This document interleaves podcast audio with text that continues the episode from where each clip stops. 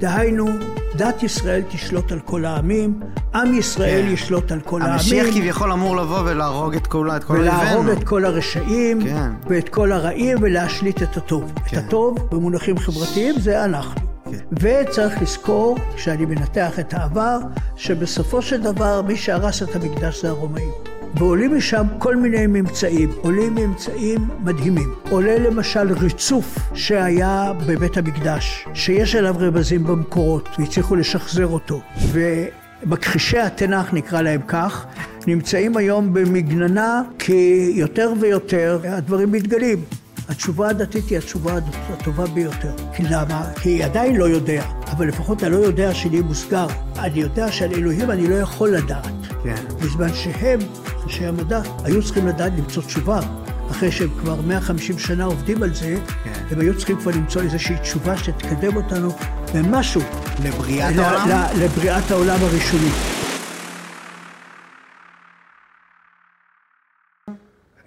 אני, אני מתנצל, אני האשם. לא. ממש ממש לא. היום יושב איתי פרופסור זאב ספראי. זאב מרצה באוניברסיטת בר אילן, סופר וחוקר, אשר מתמחה בתחום הארכיאולוגיה של תקופת המקרא והתלמוד. הוא מתעסק בעיקר בחקר ארץ ישראל ובממצאים של תקופת בית שני וממלכת יהודה. מה שלומך זאב? כבוד גדול לשבת לשוחח איתך. שלומי, ברוך השם, בסדר, ואני נהנה להיות כאן. איזה כיף לשמוע. Uh, אני אתחיל ברשותך משאלה בוערת. Uh, כמה מהתנ"ך קרה באמת? טוב, אז קודם כל אני צריך לומר, בהצגה שלך הצגת אותי חוקר מקרא, אז אני צריך ל- לדייק. לדייק. אני לא עוסק במקרא באופן ישיר, אני כמובן מכיר את החומר, וכיהודי אני שאלתי את עצמי את השאלה הזאת לא אחת ולא שתיים, ועוד יותר שואלים את השאלה הזאת הנכדים שלי כשאני מספר להם את סיפורי התנ"ך. אה, מתקופה מסוימת התנ"ך הוא ללא ספק היסטוריה. מה פירוש היסטוריה? היסטוריה כמו שכתבו אותה אה, מאז ומעולם. כלומר, ההיסטוריה נכתבה על ידי מישהו שהיה מעוניין במטרות מסוימות, הוא היה מגויס למען המטרות האלה. בדרך כלל הוא שירת את חצר המלך, ויש שם דגש על המלך. יש שם היסטוריה ממבט אישי, ש... אה, מלהיות אובייקטיבית, לא יכולה להיות אובייקטיבית, גם לא צריכה להיות אובייקטיבית. מה זה אומר ו- אובייקטיבית? אובייקטיבי פירושו של דבר שאתה מצליח לשקף את כל מה שקרה מכל הזוויות, ועם מעט ככל האפשר של נטייה אישית. כן. אז זה תמיד עם נטייה ועם כיוון מסוים, וככל שיש לנו יותר מקורות, כך אנחנו מקבלים יותר תמונה, תמונה טובה. זה לגבי החלק האחרון של התנ"ך, מנניח תקופת אה, המלכים, אחאב הוא יתד נאמן, הוא ברור, מה שהיה קודם זה כבר אה, אה, דברים אחרים. עכשיו, מה קורה באשר לתקופות הקדומות יותר? כפי שאני מבין את זה, אה, ואני אדם אה, דתי, צריך לומר את זה, אה, אלו סיפורים שהסתובבו, שאימא סיפרה לילדיה על המדורה, והאבא סיפר לילדיו ולימד אותם, ובמהלך השנים הם נמסרו מאחד לשני, וכמובן שהם הועלו על הכתב מאוחר יותר, אה, הם הועלו על הכתב אה, בסוף ימי התנ"ך, כלומר בתקופה הפרסית, אבל זה לא אומר שזה בובה בייסס. זה לא אומר שזה מנותק מהכל. זה זיכרון לאומי, וככל שהוא יותר רחוק, הוא יותר מטושטש. כשזה מגיע לתקופת האבות, אני חושב שהזיכרון הוא כבר מאוד מאוד מאוד עמום. אה, אבל עדיין משקף דברים שהם ככל הנראה דברים נכונים, למשל השילוב של מרעה אה, כענף פרנסה מרכזי בארץ לא היה לא בתקופה הפרסית ולא בתקופת המלוכה וגם לא קודם. הוא משקף באמת איזה שהם זיכרונות, אה, זיכרונות קדומים. תיאור העולם בספר בראשית זו תיאולוגיה, זה לא היסטוריה. כן. כלומר זאת מחשבה על איך העולם צריך היה להיבנות ורוצה, בא להדגיש כל מיני רעיונות שהיו חשובים למחבריו, אבל הם לא התחייבו בכלל שזה יהיה היסטוריה, להפך, הם רצו לספר סיפור שהוא הסיפור שכולם מכירים, אבל הוא שונה בתיאולוגיה שלו. כן. כלומר, לא הרבה אלים, אלא אל אחד, לא מריבות בין האלים, אלא אל אחד שנותן מקסימום קצת עזרה, מסתייע קצת במלאכים שהם עושי דברו, אל שהוא מוסרי, שהוא עושה טוב ורע, והוא כן. שופט על טוב ורע. זה לא, לא קיים בעולם אתה, הקדום. אבל אתה אומר שלמעשה ההבדל בעולם, בין העולמות האלה שאתה תיארת, הוא ההתגלות של אלוהים עצמו כביכול? כי בבראשית הוא כאילו מאוד מאוד נוכח, והוא לאט לאט נעלם מהתמונה. על... כן, הוא נעלם מכיוון שזאתי התיאולוגיה, כן. זאתי התפיסה הדתית. התפיסה mm. הדתית אומרת, בשלב ראשון אלוקים השגיח ישירות ועשה את הכל, בשלב שני, והוא גם מדגיש את זה מתי, זה כשבני ישראל חוטאים במדבר, והוא אומר, אני מפסיק ללכת, לא, לא, לא אלך איתך, מלאכי ילך לפניך. כלומר, השם עושה צעד אחורנית, כן. ונותן לסדרי עולם אה, להתנהל, להתנהל בעצמם. וככל... פעם, פעם כן, הייתי כן. אה, במערכת של איזשהו עיתון ילדים היסטורי, והעורך אמר, אני רוצה לראות את יד השם בהיסטוריה. ואחת המשתתפות אמרה, מה לעשות, הוא מסתתר.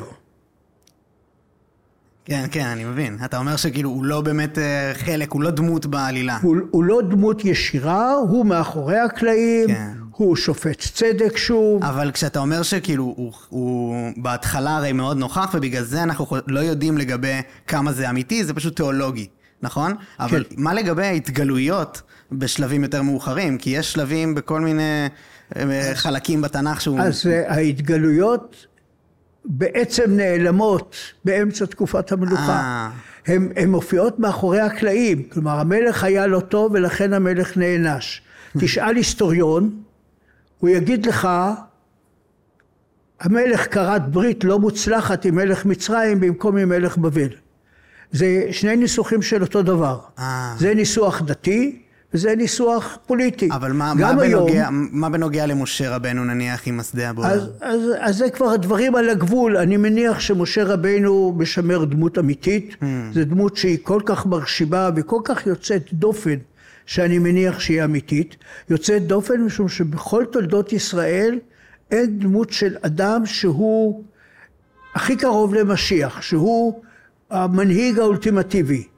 לכן, אז יש זיכרון של אחד כזה, אז קרוב. לוודאי שהזיכרון אה, אמיתי. וגם כאן, שים לב, התיאור של משה הוא תיאור דתי, גדולותיו, לא, הוא לא מפקד צבא, הוא לא מנצח במלחמות, הוא נחשף לחולשות, הוא נכון, לפעמים, הוא מגמגם. הוא מנסה לתווך בין השם ובין בני אדם. כן. אה, הוא שליח, כמו שהוא שליח של השם אל בני ישראל, הוא שליח של בני ישראל אל השם. אלה כולם תיאורים דתיים, תפיסה דתית של איך צריכה להיות דמותו של מנהיג. ודווקא בגלל חריגותה, אני מתאר לעצמי שיש כאן שורשים אמיתיים גדולים מאוד. כמה בדיוק, אי אפשר לדעת. ברור, אבל כן יש משהו בהתגלות, ש... שב... ב... יש כאלה סצנות לאורך כל, ה... כל התנ"ך. כן. אני, ואני מסכים שאתה אומר שכאילו במהלך מלכים זה... זה, זה, לא, זה לא סצנות לאורך כל התנ"ך, זה סצנות שישירות הן נגמרות באמצע המדבר. כן. וזה זה נגמר, נגמרות ההתגלויות הישירות. כן. והשם עובר, כפי שאמרתי, מאחורי הקלעים, כן. ל- ל- לטיפול בצורה אחרת. אבל בתור אה, כזה ארכיאולוג, או, או היסטוריון אפילו, שאתה מתעסק בדברים האלה בצורה היסטורית, איך אתה, איך אתה פונה לשלבים האלה של ההתגלויות כביכול? איך אני מקבל אותם? לא כן. לא שואל יותר מדי. אה, לא, אוקיי. לא, לא, לא, לא על כל השאלות אני צריך לפתור. Mm. לא, לא הכל מוטל עליי. אני יכול לומר שתיאור למשל של כיבוש אה, ארץ ישראל, הוא מעורבב מקצת מתקופות שונות. Mm. כלומר, יש שם קצת אה, אה, בלבול של תקופות, או אני הייתי אומר משהו כמו מערכת שקפים שבנויה אחת על השנייה. ואנחנו רואים את הכל בלבלה בבת אחת, ו, ויש כאן אה, שלבים שונים, אבל האירועים נראים לי היסטוריים, ואגב היום במחקר הארכיאולוגי הדברים נחשפים יותר ויותר. כלומר, וואו. אם היה טענה די מבוססת, שהייתה נראית מבוססת, שממלכת דוד לא הייתה קיימת, אה, למשל, אז היום, בגלל שלא מוצאים אותה, לא מוצאים את שרידיה, לא מוצאים ערים גדולות, לא מוצאים ביצורים גדולים. עכשיו, לאט לאט מתחילים למצוא את הביצורים, ומכחישי התנ"ך, נקרא להם כך, נמצאים היום במגננה, כי יותר ויותר הדברים מתגלים. מה, מה, מה זה הדברים האלה? למשל, חירת קייפה. Mm. חורבת קייפה, מתברר שהיא עיר מסודרת, מאורגנת, והיא, מה לעשות, מן המאה התשיעית עשירית לפני הספירה. כלומר, ימיו של דוד המלך. מתברר שבתקופה הזאת יש כבר ממלכה מסודרת. איך זה אה, מתברר? כי יודעים לתארך את הדברים. אה. אה. אנחנו, יש חפצים שלפיהם יודעים לתארך את המאה התשיעית עשירית, במיוחד שאחריה, מעליה יושבת המאה השמינית, אז כן. את המאה השמינית היא כבר מאה היסטורית לכל דבר, ארכיאולוגית לכל דבר, והיא קודמת לה. אני מבין, אבל איך אתה יודע להסיק מזה שזאת ממלכת דוד? אני לא יודע להסיק שזה ממלכת דוד, אה. אבל אני מבין שיש ממלכה יהודית מסודרת. האם זה קראו לו דוד או קראו לו יששכר? Mm. א', זה משני, ב', למה לא דוד? במיוחד שהסופרים המאוחרים במאה שנה מדברים על בית דוד, בית דוד, במיוחד שבתל דן נמצאה כתובת שמזכירה את בית דוד. אז אני מבין שהייתה, שבית המלוכה הישראלי, היהודאי, נקרא לו, מכונה בית דוד. כן. מחברים את הדברים האלה, ואנחנו נמצאים בדיוק בסיפור של התנ"ך. זה עדיין לא אומר שדוד ניצח את גוליית. נכון. זה אומר שהיה מלך קדום שהאמינו בו, שנקרא דוד. עכשיו אני רוצה לומר לך, אין עם שלא מפקפקים בגיבורים ההיסטוריים שלו. המלך ארתור הוא אגדה, ישו, לדעת אחדים, אני לא חושב כך, אבל יש אחות סוברים שהוא אגדה. אתה חושב שהוא לא אגדה? מוחמד הוא אגדה לפי קבוצות מסוימות, אני גם אני לא יודע באמת למה. זה קצת אה, עניין של מודה. כדי להכחיש צריך איזושהי סיבה. מה שנמסר לנו בזיכרון ההיסטורי הוא לא בטל, הוא, הוא, הוא נתון. אי אפשר לסמוך על זה במאה אחוז, ויכול להיות שהוא מוטעה, אבל הוא נתון שצריך מאוד מאוד להתחשב בו. וואו, אוקיי, מלא שאלות. דבר ראשון, אה, אתה, אתה משתמש במילה זיכרון. זיכרון, אה, אתה, אתה מתכוון שבעצם אה, כתוב זה בשלב מאוד מאוחר, ולפני זה זה בעל פה, וזה זה ככה? ככה משמרים כן, זיכרון למעשה? כן. בכל העמים. תרבות הכתב היא אה, תרבות של העילית. Mm. בודדים ידעו לקרוא ולכתוב. נכון, כן. איפה שהזיכרון הלאומי השתמר, זה זיכרון לאומי בעל פה. כן. ותראה, בואו ניקח אה, מאורעות בני זמננו. אנחנו, אני חושב שגם בני דורך, אבל בוודאי בני דורי, זוכרים את מלחמת השחרור. אני נולדתי במלחמת השחרור, אני לא זוכר כלום, אבל אני שמעתי מאבא שלי. ועל פולין שמעתי מסבא שלי. ומה שלא שמעתי מאבא ומסבא, שמעתי מאבא. וכמובן, הזיכרון, ככל שהוא אה, נמסר, הוא גם מטשטש עם הזמן. אבל יש זיכרון בעל פה. בעולם הקדום, רוב הזיכרונות היו בעל פה. הם הועלו על הכתב בדרך כלל הרבה מאוחר יותר. ממש, אז למעשה ההשתכללות הטכנולוגית מאפשרת לנו יותר ויותר לייצר זיכרונות כן. כן. אם אתה רוצה לנסח את זה בצורה פסימית, הטכנולוגיה גורמת לכך שהזיכרון בעל פה נקטש ונקטש. אה. כי אנחנו זוכרים בכתב ולא צריכים לזכור בעל פה. וואו, וזה, זה, מה זה עושה? זה ממעט את החוכמה? כן. וואו, מעניין ממש. אוקיי, אז אה, נגעת בישו כדמות היסטורית, ואמרת שאתה מאמין שהוא כן היה קיים, ושגם כן. מוחמד אולי וזה. אה, זה פשוט בכללי, כל מה שקורה פה באזור הזה, מעניין אותי מאוד להבין את כמה הוא היה ודאי וכמה לא. אז כן, תסביר לי את כל התמונה הזאת, איך אתה רואה. קודם כל אני צריך לומר לחלק מהמאזינים שמתפלאים, ישו יהודי טוב, שקצת אה, לא ממסדי, אה, אבל כל המושג ממסד באותו זמן הוא די מעורפל. כלומר, אה, לא הממסד שלימים הפך למנצח הממסד הרבני. כן. הוא היה בתוך העולם של השקפות שהסתובבו באותה תקופה. אה, תלמידיו פיתחו את תורתו והעבירו אותה מחוץ לתחומיו של עם ישראל, בכך שהם אה, התכחשו לקיום המצוות. עכשיו, יש במחקר הנוצרי ויכוח גדול, ועד כמה ישו היה דמות היסטורית, או שמא מתארים אותו מאוחר יותר ומדמיינים כל מיני דברים. לדעתי אין שום סיבה להניח שהוא לא היה קיים. באמת? ב... שוב, אני לא, אני לא מאמין בכל ריפוי החולים שלו. כן. אבל שוב, אמרנו, כשברגע שאת מגיעים להתגלויות ישירות, אז אני קצת סקפטי. כן. אבל זה לא אומר שהוא קיים, לא היה קיים. ושוב, אם אני אתן דוגמה קיצונית, שאולי לא תמצא חן בעיני חלק מהדוברים, אה, לא רחוק מרחוב מקיבוץ מגוריי, ישב הבבא סאלי, סיפרו עליו ניסים ונפלאות. אני מפקפק בניסים ונפלאות, אבל אה. הבבא סאלי היה דמות חיה. כן. וסיפרו עליו, ועל ישו סיפרו 40-50 שנה אחרי ימי חייו, זה לא הרבה זמן, זה לא מספיק כדי שתיווצר אגדה, כבר סיפרו עליו סיפורים שיושבים טוב בגיאוגרפיה, כלומר בעולם גיאוגרפי טוב, במונחים גיאוגרפיים טובים, במונחים דתיים טובים, כל מה שהוא עושה הם דברים הגיוניים, ואפילו הפעולות הנס שלו, הריפוי, אלה דברים שהיו מקובלים. לא, חז"ל לא כל כך אהבו את זה. Mm. אבל בעמים אחרים, ואני מניח שגם בעם ישראל, זה היה מאוד מאוד מקובל.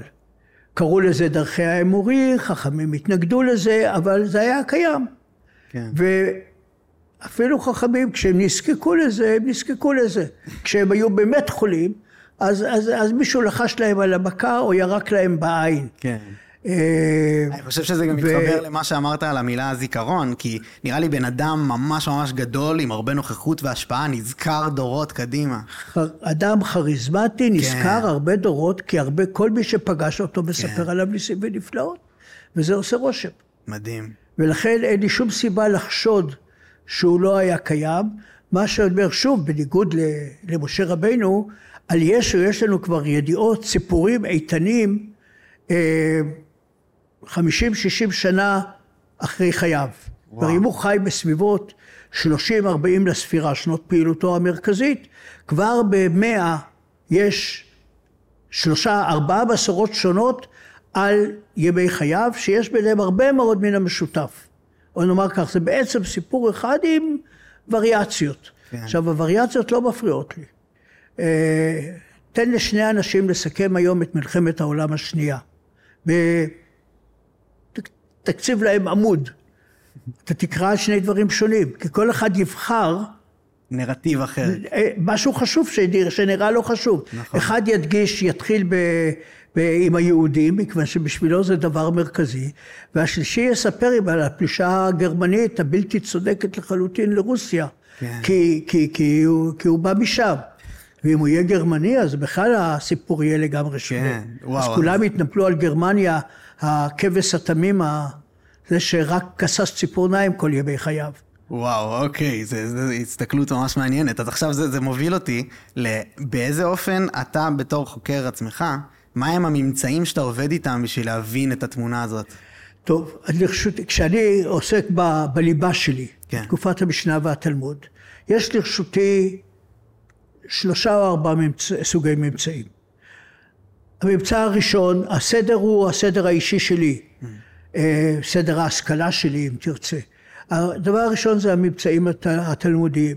כשאני לומד אותם לימוד היסטורי, כלומר אני מנסה ללמוד מה אפשר להסיק מהם, מה מוגזם, מה מיופייף, אה, מה מגויס, כי גם ספרות חז"ל לא באה לספר היסטוריה. כן, היא נכון. באה, גם היא באה לתת אה, כל מיני שיעורי דת. כן, לא נהוג לקרוא את זה ככה.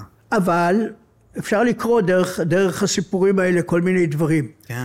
אז כשהם מציגים את חכמים כצדיקים מוחלטים, אז אני ככה מפקפק. כשמספרים לי על ביקורת על חכמים, ורואים כמה חכמים הם לפעמים לא בסדר, או למה כמה חכם פלוני חטא באיזשהו מקרה, אומר, או, oh, זו תופעה. כי, כי בדרך כלל מנסים להסתיר את זה. כן. אז זה המקורות התלמודיים, אחד. וואו. שניים, אלה הם המקורות הארכיאולוגיים, שבדרך כלל הם לא ישירים. כלומר, הם לא ייתנו לי תשובה אה, מה אמר חכם אלמוני, אבל הם נותנים לי את הרוח ואת האווירה. אם אני מדבר על נחתום, נחתום זה אופה, סליחה שאני משתמש במונח המקצועי, אה, אז אני רואה את השרידים הארכיאולוגיים שלו. אם אומרים לי שפלוני הלך ממקום אחד לשני, אני, ואני מזהה את המקומות האלה, אז אני יודע שיש דרך, אני יודע לבדוק את המרחק ולראות האם זה, האם זה סיפור הגיוני, מתי הוא הגיוני ומתי הוא לא הגיוני. כן. על כמה, על כמה בפועל אתה מתבסס? יש, יש, בתקופת המשנה והתלמוד יש היום המון, המון, המון ממצאים. וואו. זה כבר היום, אי אפשר לזכור אותם בעל פה. רק לשם דוגמה, אנחנו אספנו ב-2012, לצורך איזה מחקר, עשינו רשימה, מספור כמותי של חפירות בארץ. הגענו ללמעלה מששת אלפים חפירות הצלה ולמעלה מששת אלפים חפירות גדולות. חפירות הצלה הן בדרך כלל חפירות קטנות. כשאתה אומר הגענו ל... מה זה אומר?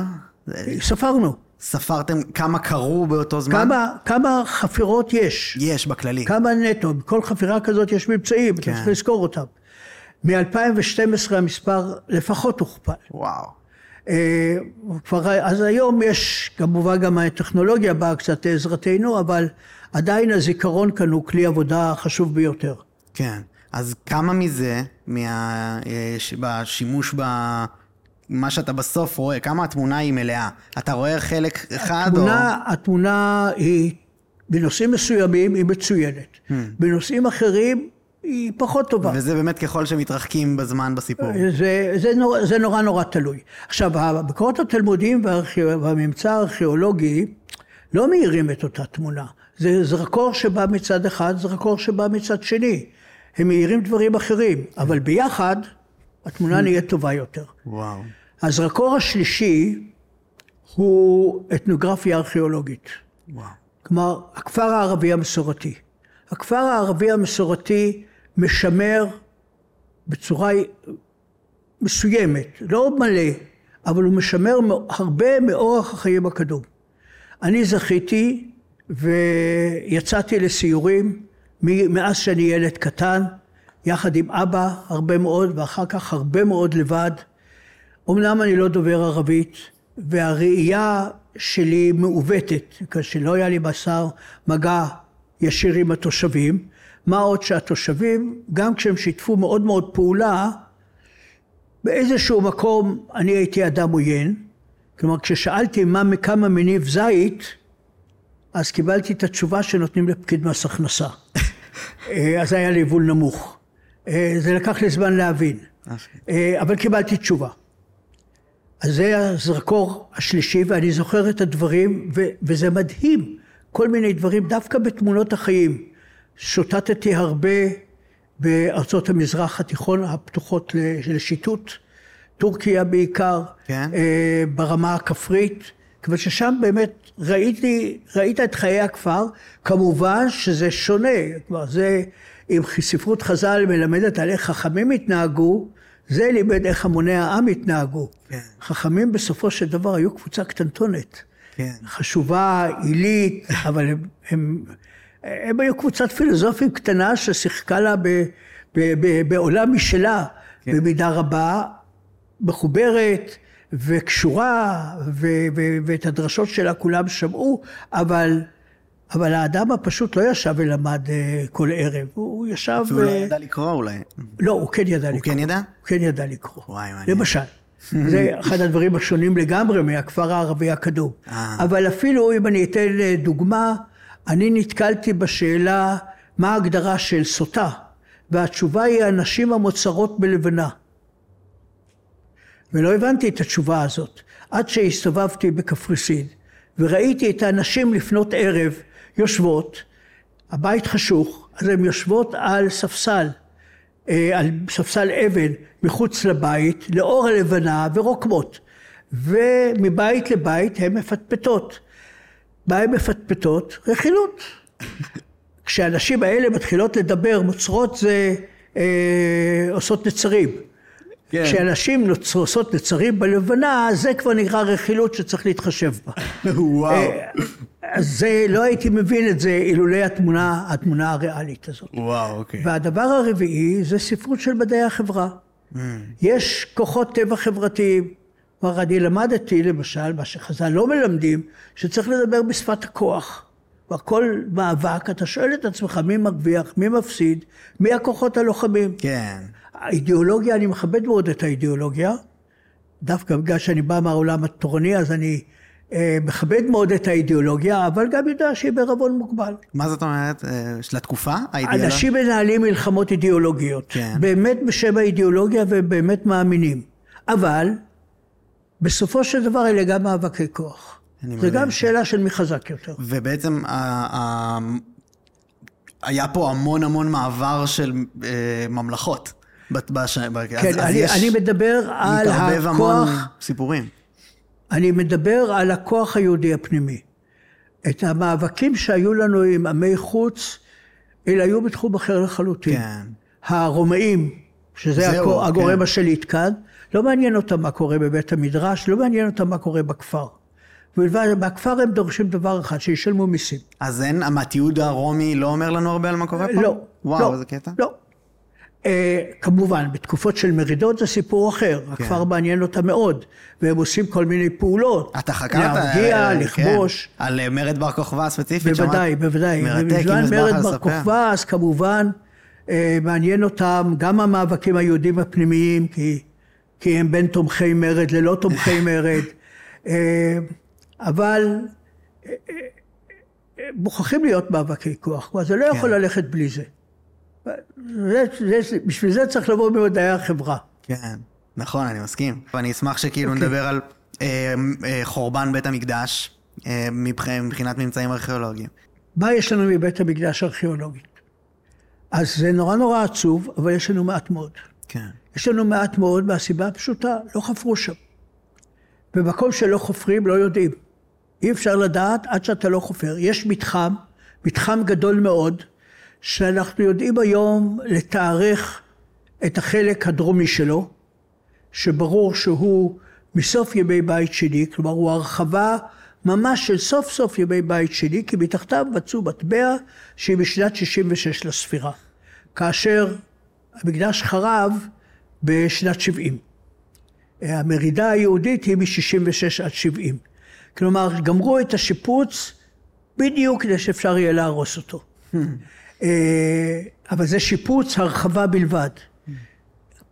איזה הרחבה? כל ההרחבה, רק חיזקו משהו, זה אני לא יכול לומר. עכשיו, יש לנו עוד כמה סימנים מסביב, אה, ואת המתחם עצמו שרואים אותו.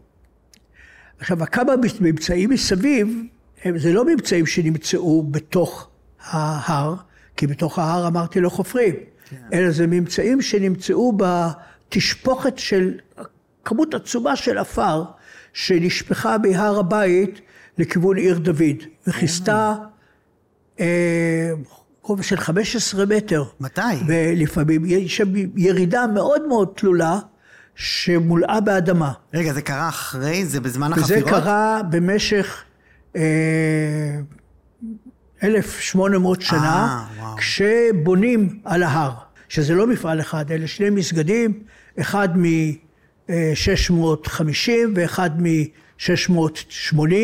זה נשמע כלום, מה זה 30 שנה בשביל היסטוריה? כן. אבל זה 30 שנה, תחשוב על תל אביב, אה, זה, זה 30 שנה נוספות, ועושים מפעלי פינוי עצומים. ו... ומגיעים אל ההר כפי שהוא נמצא היום.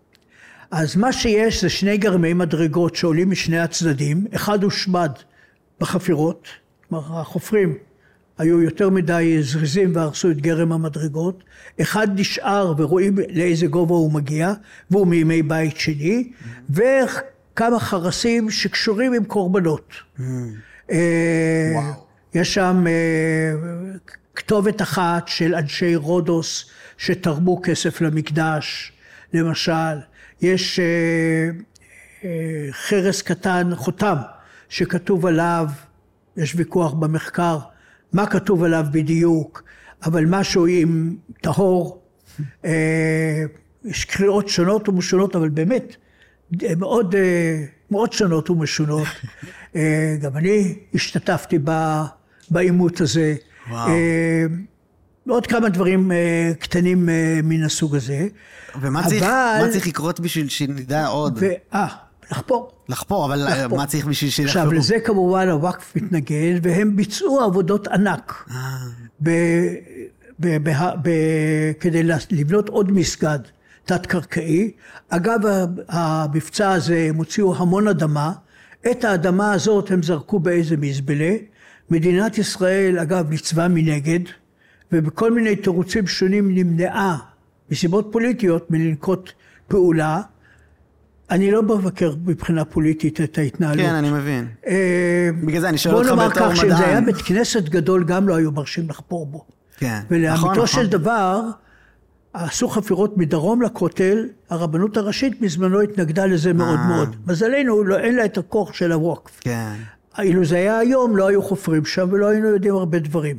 אתה אבל חשוב לך שנגיע למלוא התמונה? חשוב לי, אבל אם אתה שואל האם זה שווה מלחמה, לא. כן. האם זה שווה מהומה שבה אה, ימותו שלושה אנשים? לא. זה חשוב, בסדר, אבל יש סדרי עדיפויות, ואני מוכרח לומר שאני בנקודה הזאת, אה, אה, בדרך כלל אני לא, קשה להוציא ממני את המשפט הזה, אבל אני סומך על ממשלות ישראל לדורותיהם, שמאל וימין, שכולם נהגו באותה פוליטיקה של תנו להר הזה להתנהל בידי המוסלמים ותשאירו אותו לשלום. כן. ואת הסקרנות שלנו, חכו. על כל פנים, את האדמה הזאת כן. סיננו. מבצעים, יש מפעל גדול מאוד של סינון. ועולים משם כל מיני ממצאים. עולים ממצאים מדהימים. עולה למשל ריצוף שהיה בהר. בבית המקדש, שיש עליו רמזים במקורות, והצליחו לשחזר אותו. אה, מעבודה זה, זה שברים בגודל של סנטימטר. אז העבודה היא? אדירה. מרכיבים כן, כן, משברים? עשו עבודת פאזל בלתי רגילה. יש שם מלאי עצמות ועוד כל מיני סימנים שבהחלט מלמדים על מקום קודש גדול, אבל אין לנו את הפרטים. אז אתה לא יודע אה, מה, מה, איזה סוג של פולחן היה שם, או ש... איזה סוג של פולחן יש, אני יודע, מהמשניות. המשניות, זהו, כן. ויוזפוס, ובברית החדשה, מתארים את הפולחן. ואנחנו כן. שומעים, אנחנו, יש, יש לנו את התוואי הבסיסי של המקדש, זה מדהים עד כמה הוא נשמר. מכיוון שאם אני אבקש ממך עכשיו לתאר את הבית שלך, עם הגדלים של החדרים, אני לא רוצה לדבר בשמך, אני לא מסוגל לעשות את זה.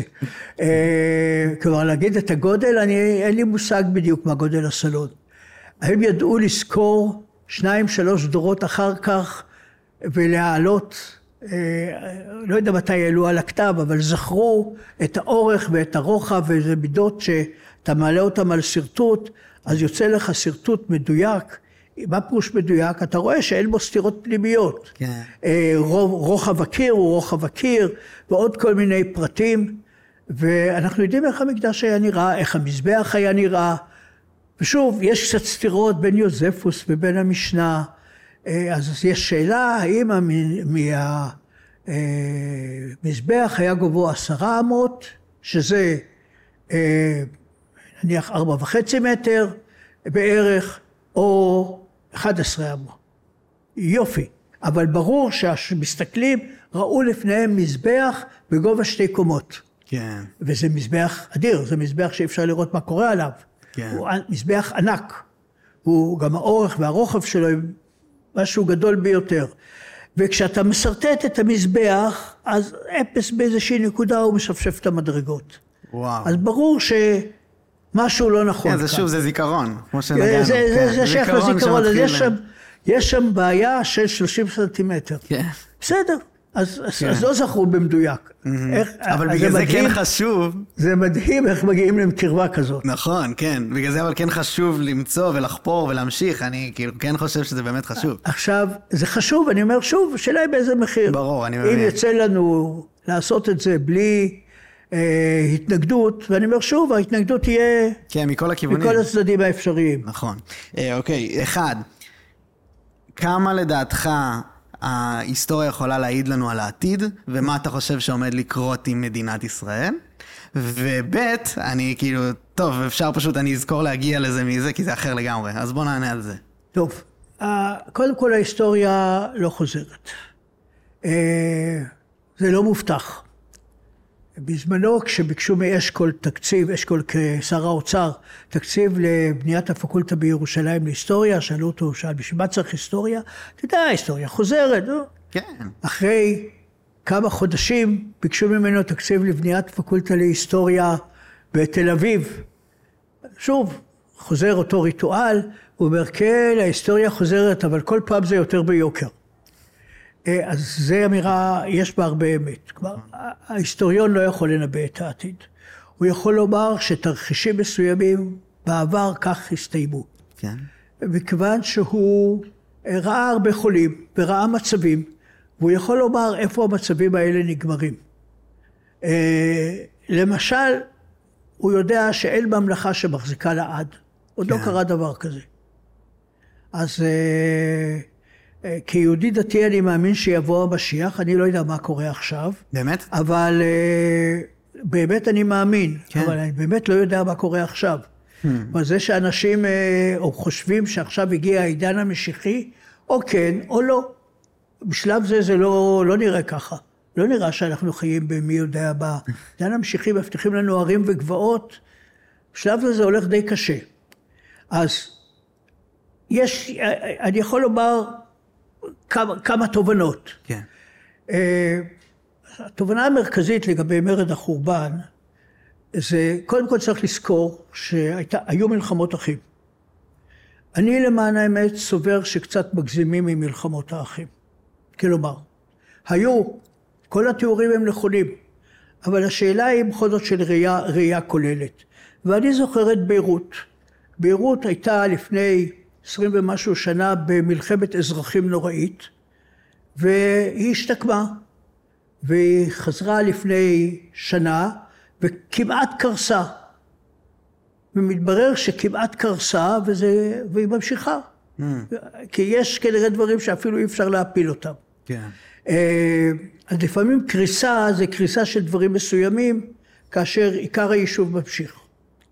אז צריך תמיד מאוד, זה, זה, זה, זה, זה מחייב, מחייב זהירות. על כל פנים, זה שיש מלחמות אחים זה עוד לא אומר שלא היה שיתוף פעולה. היה שיתוף פעולה, הראיה, א', שיש מטבעות משותפים. מישהו שמארגן את העסק הזה מסוגל להנפיק מטבע, אז יש איזשהו גורם מרכזי. המקדש היה מצד אחד זירה לסכסוכים, ומצד שני המקדש עבד עד כמעט השבועות האחרונים. כן. וצריך לזכור, כשאני מנתח את העבר, שבסופו של דבר מי שהרס את המקדש זה הרומאים. הם באו עם הכוח הצבאי, והאמת היא שגם אם עם ישראל היה מלוכד, לא מאמין שהיו מצליחים להחזיק מעמד מול הרומאים. הרומאים היו בכוח עודף, אסטרטגית, לא היה שום סיכוי למרד. ברור. אה, לכן לא מרידות האחים אה, חיסלו את ה... אה, גרמו לחורבן, אבל... אלא מבחוץ. אבל, אלא מבחוץ, אבל מה שקרה בסוף ימי בית שני היה אובדן משילות, זה נשמע מודרני, אובדן הנהגה. אובדן הנהגה, לא אובדן משילות. אובדן הנהגה, שהוביל למהומות. למה היה אובדן הנהגה? משום שהחשמונאים חיסלו את האריסטוקרטיה שהייתה לפניהם, והקימו אריסטוקרטיה חדשה. בא הורדוס וחיסל את האריסטוקרטיה הזאת והביא קבוצות חדשות. נכון. מלכות הורדוס חוסלה לטובת מלכות, מלכות רומי ישירה, ושוב הגיעה קבוצה חדשה של משתפי פעולה ועילית חדשה. צמחה, צמחו צדוקים ופרושים, יריבות על רקע דתי, אבל צמחו שני מרכזי כוח צדוקים איכשהו התחברו אל הממסד הקודם, אל הממסד החשמונאי. הפרושים היו ממסד חדש. והיה כאן עודף ממסדים או חוסר ממסד. ואבד המושג של זקני העיר והשפ... והשפיות נעלמה. וזה מצב שאני מוכרח לומר שאנחנו רואים את הסימנים שלו כאן עכשיו. כלומר, אני רואה את אובדן המנהיגות, שהמנהיגות במקום להוביל את העם, היא מנסה לראות איפה הפייסבוק או הטוויטר או מי שלא יהיה נושב ולקפוץ על העגלה ולצעוק אחריי. זה אגב לא המשל שלי, זה המשל של חנניה רייכמן, המנהיג רואה לאחד העגלה נוסעת, קופץ עליה וצועק אחריי. נכון, נכון. אז זה ממש מה שקורה. כן. וההמון הזה הוא מאבד בלמים. מנהיגות היא מתונה ושפויה. וזה לא משנה מנהיגות ימין או מנהיגות שמאל. עובדה היא שבעצם בנושאי הביטחון שלנו, מנהיגות הימין ומנהיגות השמאל בעצם עשתה אותו דבר נכון. במשך 70, ו- אה, 50 השנים האחרונות, מאז 67. כן. אה, כמובן, אין, אין, אה, זה עומד בסכנה היום. אתה אומר בעצם ההנהגה, אה, סוג של... אה, אה, מתחילה לחשוב יותר על אינטרס אישי ופחות על העם. זה, זה אפילו לא עניין של אינטרס, זה עניין של אינטרס אישי, לא שפעם היו כולם צדיקים, גם פעם כן. זה היה אינטרס אישי, אבל פעם היה בהנהגה איזשהו כוח להוביל, איזשהו כוח לרסן. ומה אין? והיום, היום היא, היא זאת שקופצת, היא מקפיצה את, ה, את הדברים, היא, היא, היא זאת שמשסעת. כן. למה היא עושה את זה לדעתך? מה? למה היא עושה את זה? זה לא בשביל לשמר את חוסר הכוח? כוח. קודם כל חוסר כוח. חוסר כוח. החוסר כוח, מנהיגות מתחלפת, אין אה, אובדן מנהיגות ותיקה, כן. אבל אה, במקרה זה פשוט חוסר כוח. אה, זה לא קיים בכל המפלגות, זה קיים בחלק מהמפלגות. נכון. הדמוקרטיה בנושא הזה היא לא הסמל הכי טוב. היא, היא לא מייצרת דגמים טובים. כלומר, לא שאני יש לי פתרון לעולם טוב יותר בלי דמוקרטיה. זה הצורה שהוכחה הכי טובה נגד שחיתות כן. ונגד אה, כפייה וכל מיני דברים, אבל יש לה בעיות שצריך לדעת ל- יש, אה, אה, למסגר אותן. יש משפט מפורסם על דמוקרטיה, שזה היא השיטה הכי פחות גרועה מבין כל השאר. נכון. כן. אבל אני מוכרח לומר שהדמוקרטיה עוברת היום שלב חדש. זה השלב שבו היא צריכה להתמודד לא עם החברה הכפרית הקטנה, אלא עם קונגלומרטים גדולים. כן. ועם הפטנטים של חברות הפרסום, שיודעות איך, איך לעבוד עלינו ו, ו, וליצור כל מיני דברים ש, שלא חשבנו קודם. והדמוקרטיה צריכה להתגבר על הדבר הזה, אחרת היא תושמד. וואו. ואתה חושב שאנחנו נוהרים לדיקטטורה? ו- נוהרים זה מוגזם, אנחנו במאבק על הנושא הזה. באמת? במאבק קשה. אני דווקא, אני מוכרח לומר שההתנהגות של הציבור מפתיעה אותי לטובה. בנכונות להיאבק, בנכונות לעצור את הדברים, ואני שומע מספיק קולות אחראיים שמדברים, ו- ורוב העם ללא ספק הוא אחראי מאוד, וצריך לדעת לרסן את הקיצוניים, וזאת מסיבה ש... הלוואי והייתי יכול להירתם לה. אני כבר, כבר, כבר לא בשלב שאני יכול לעזור משהו בעניין. כן, חוץ מהתובנות ההיסטור- ההיסטוריות. אני כן חושב שבאמת אפשר לנבא את העתיד בעזרת מציאת אה, דפוסים, פאטרנים של התרחשויות שהיו, ואז על פיהם לנבא איך מתנהגים בתרחישים כן, מסוימים. תמיד, תמיד יהיה יותר מאפשרות אחת שיכול היה לקרות. נכון. ולכן זה לא נבואה מוחלטת, אבל אתה רואה תהליכים, ואתה אתה מזהה את התהליכים, ואני רואה שאובדן המתינות והזהירות כן. היא זאת שדרדרה אותנו. עכשיו, מה היה קורה אם עם ישראל לא היה מידרדר ולא היה מורד? אני לא בטוח שהמקדש היה היום עומד על מכונו, אני גם לא בטוח שזה טוב אם המקדש היה עומד על מכונו. אני מוכרח לומר שטוב לי מאוד עם היהדות בלי מקדש. אה, אבל הייתי רוצה שעם ישראל יישב בארץ ישראל, או. שנשמור על הטריטוריה שלנו, שיהיה ברור שאם חלים איזה שהם שינויים, אנחנו אלה שיושבים בארץ. וואו, מרתק. אז זה, זה הפסדנו, כן. אה, אני לא יודע אם ככה היינו מצליחים לשמור על זה, אבל בזה אשם ה- אשמה החוסר מנהיגות. כן, אני מקבל. ומלחמות מקבל האחים. לגמרי. אני מ- לגמרי מקבל. אני כן, אה, אה, נגעת בנקודה של התקופה המשיחית שאנחנו נמצאים בה, אה, או לא נמצאים בה, וזה זה פשוט, אני מעוניין לשאול על האמונה, על האמונה שלך. אני אשמח לשאול, מי הוא אלוהים לדעתך? ו- ו... אלוהים אני לא יודע. לא, אה, בחוויה שלך, ו... אה, אמרת שאתה מאמין שהמשיח צריך לחזור, ו, וכל הסיפור איתו, אמרת שאתה מאמין בו. אני אשמח שתסביר לי מה זה אני, אומר. אני מאמין בו ברמה אמורפית. אוקיי. כלומר, לימדו אותי שהמשיח יבוא, אז המשיח יבוא. מתי? אחריי. אחריך. אתה אומר, זה לא התקופה המשיחית. זה לא... אני, אני הייתי קודם, קודם יותר זהיר. כן. אה, נכון. תראו, הרב קוק הוא זה שטען שהקמת מדינת ישראל היא, היא עידן משיחי. עכשיו, הוא, כשהוא אמר את זה, זה, זה מעוגן מאוד מאוד חזק במקורות. יש במקורות שלנו זרם חזק מאוד שאומר, הייתה גאולה ראשונה, יציאת מישראל ממצרים, הייתה גאולה שנייה, חזרה מבבל, תהיה גאולה שלישית, ואחריה לא יהיה יותר. אחריה יהיה עידן המשיחי. מה זה העידן המשיחי? עם ישראל יחיה בשלום על אדמתו. זה הניסוח המינימלי שלו. בניסוח המינימלי שלו הזה אני מזדהה לחלוטין, חוץ ממשפט אחד. זה שאמרו גאולה שלישית ואחריה לא יהיה יותר גאולה רביעית, זה משאלת לב. זה חכמים לא נביאים והם לא יודעים, ובהחלט יכול להיות, וגם יש גם חכמים שאמרו את זה, שבהחלט יכול להיות שתהיה איזושהי תקופה שתהיה עצמאות מדינית, כן. והכל יהיה טוב ויפה, ואחר כך זה יהיה כמו כל המדינות. אה, עכשיו, מה שהרב קוק קרא עידן משיחי, וזה נמצא מעוגן יפה מאוד במחשבה היהודית, אבל זה לא בהכרח. זה עידן של משיחיות מעבר לכל, זה עידן של משיחיות לאומנית. דהיינו, דת ישראל תשלוט על כל העמים, עם ישראל כן. ישלוט על כל המשיח העמים. המשיח כביכול אמור לבוא ולהרוג את כל, כל ולהרוג אויבינו. את כל הרשעים, כן. ואת כל הרעים, ולהשליט את הטוב. כן. את הטוב, במונחים חברתיים, זה אנחנו. כן.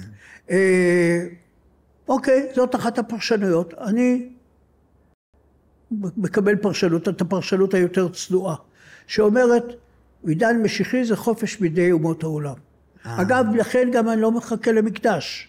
כן. חופש בידי אומות העולם, זה היה המצב בכל בית ראשון, כל ימי דוד וכדומה, היה חופש מאומות העולם, לא היה מקדש, היה יופי. בית שני, היה לנו מקדש, ולא היה לנו חופש מאומות העולם, חוץ מבירורי זמן קטנים. אנחנו נמצאים במצב מצוין. נכון.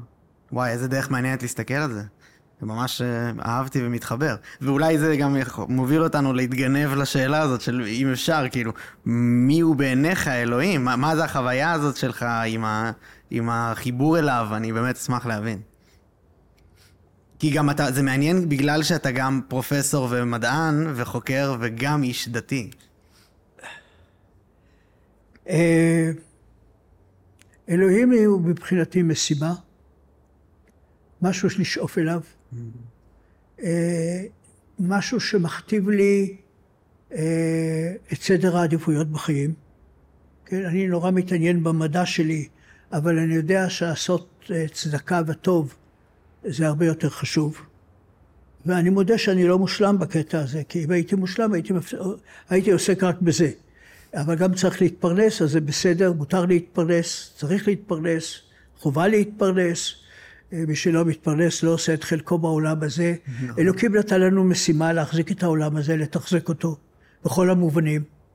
אה, ולכן ברור לי שאי שירות בצבא למשל, או אי הליכה, אי השתתפות במערכות העבודה, זה להיות אדם לא דתי. כן. אה, וואו, אני יודע, אני יודע כן. שבזה אני מעורר ויכוח שהיה נדמה לחרדים שהוא נגמר. אני באמת מאמין בזה בלב שלם, וואו. ואני אומר, אלוקים נותן לי משימות. עכשיו, הוא עוזר לי במה שהוא בוחר לעזור, אין לי דרישות ממנו, לא יש דרישות ממני, זה חד סטרי לחלוטין. אה, אבל אתה מאמין בישות שבראה את הכל? כן, כן. כן. כן, בהחלט, התשובות של מדעי הטבע הן לא הרבה יותר טובות. הם, הם כולם מגיעים בסופו של דבר לאיזה משהו שהתחיל, ולא ברור מאיפה הוא נכון. התחיל. התשובה הדתית היא התשובה הטובה ביותר. כי למה? כי היא עדיין לא יודע, כן. אבל לפחות הלא יודע שלי מוסגר. אני יודע, אני יודע שעל אלוהים אני לא יכול לדעת. כן. בזמן שהם, הם, אנשי המדע, מתיימרים, היו צריכים לדעת למצוא תשובה. אחרי שהם כבר 150 שנה עובדים על זה, כן. הם היו צריכים כבר למצוא איזושהי תשובה שתקדם אותנו במשהו.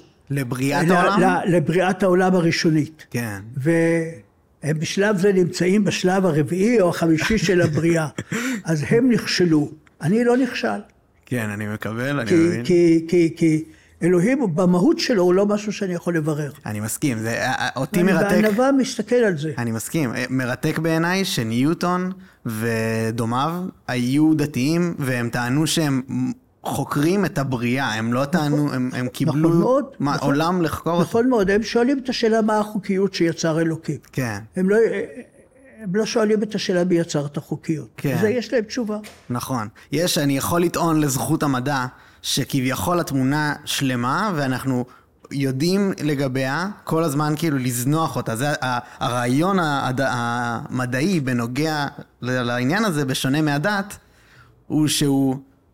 יש לנו אה, קבוצת מידע שאנחנו מחזיקים בה, וכל תיאוריה שתבוא ותסתור, אנחנו מוכנים לזנוח את החלק, אתה מבין? אז כאילו יש הודעה באיזושהי בורות כל הזמן. כמו שאני מכיר את אנשי המדע, הם לא כל כך מהר זונחים תיאוריה. נכון, אתה צודק מאוד. נכון, בהחלט. יש להם את הדת שלהם. נכון, נכון ממש. Uh, טוב, יש לי עוד מיליארד של שאלות, אבל אנחנו לצערי צריכים לסיים. ברשותך. אז... מעולה, רגע, אז בואו, בוא, אנחנו שנייה נסיים, נעשה אה. זה, אני אגיד תודה לך, אני אגיד תודה לכולם. דבר ראשון, תודה רבה לזאב ספראי שהתארח, היה לי מרתק, הלוואי ויכולנו לעשות את זה גם ארבע שעות, הייתי, אני יכול ככה כל היום. אה, ממש ממש תודה שהתארחת. תודה לכל מי שצפה והאזין, אה, אנחנו נתראה בפעמים הבאות. תודה רבה. מעולה.